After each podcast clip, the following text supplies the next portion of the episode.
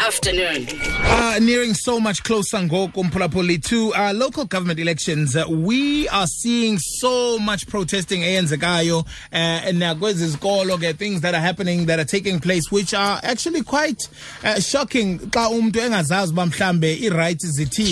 for abo bantu who are actually participating in uh, as, as, as pro, this type of protest action. On the line ke siphethe ucolonel uh, Vingli from the eastern cape uh, police service uh, south african police service ozasicacisela uh, colonel Vingli welcome uh, good true afternoon. Eh nkosi msasazi ndiyabulela uh, uphilile bawo ndiyiphilile msasazi ndiyabulela msasazi. Unjani wena? Hayi siphilile nathi enkosi mhlekazi wam masingene fast nje um kulo mcimbi lo. Um ngokomthetho ba um ingaba wonke umntu unelungelo lokwenza i-protest action? Eh msasazi i-constitution yelizwe iyamvumela umuntu nawuphi na umuntu okokuba ngaba xa efuna kukho into engamanezisiyo ayenze i-protest i-protest action. Mm -hmm. Kodwa ke lento yenziwa ngemigomo ethile. Mm. ikhona i-act ekusetyenzwa kuyo msasazi. Mm -hmm. ekuthiwa xa ibizwa yi-gatherings act ngu-act 205 of 1993 le act ke iregulator indlela yokokuba xa abantu besifuna ukumatsha okanye befuna uprotesta bamele ukuthini namsasazi okay.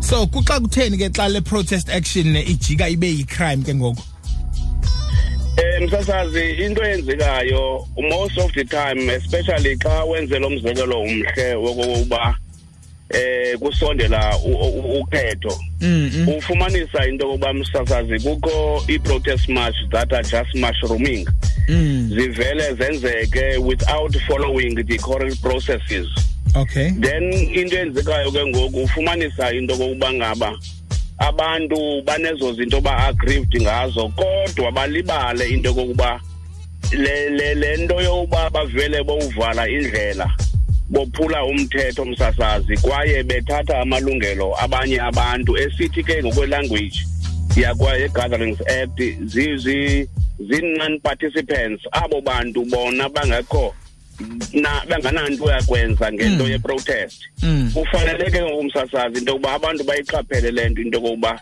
as much uba they are claiming to have i-right to do le nto kodwa i-right yakhe usection 36 we-constitution yeli mm-hmm. lizwe is having i-limitations to some of the rights enye ke ezo rights msasazi into yokokuba abantu bavele benze loo nto then i-right yakho iyalimithwa ilimithwa in such a way that ulandele correct processes uye unike inotice as per mm. i-gatherings act mm. unike unike inotice yokokuba ndifuna umatsha ngemini ethile okanye ndifuna uprotesta ngemini ethile iye protest apho ii-processes khange zifolowishwe ziphela zisibanjalo kodwa most of the time nxa kungalandelwanga umthetho they become violent msasazi enkosi so xa kuthe kwakho ii-incidences of i-violence and damage to property iye ithini ke ngoku indima yomthetho uh, especially ke amapolisa.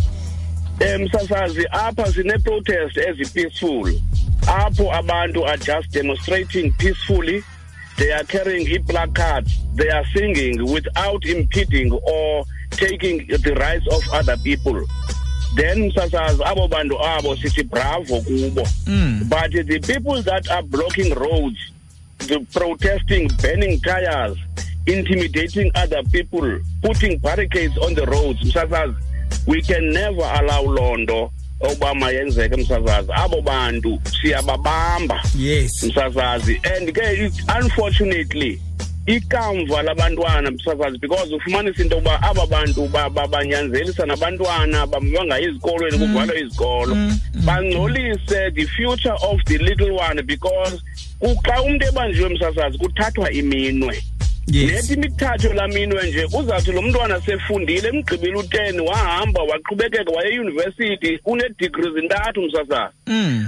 xa kufika ixesha lokuba lo mntu kufuneke ephangele msasazi elaa rekhodi lihleli msasazi kuthiwe ngemini ethile wawenzeke into wayenze into ethile then ablokeke angakwazi ufumana umsebenzi. Eyisani so what kind of charges uh, and possible sentence ke uh, ezikhoyo xa umntu ethe wafunyanwa eguilty of uh, imisconduct enje? Msasazi in most of the cases ufumanisa uba abantu batshajwa ngo-intimidate abantu.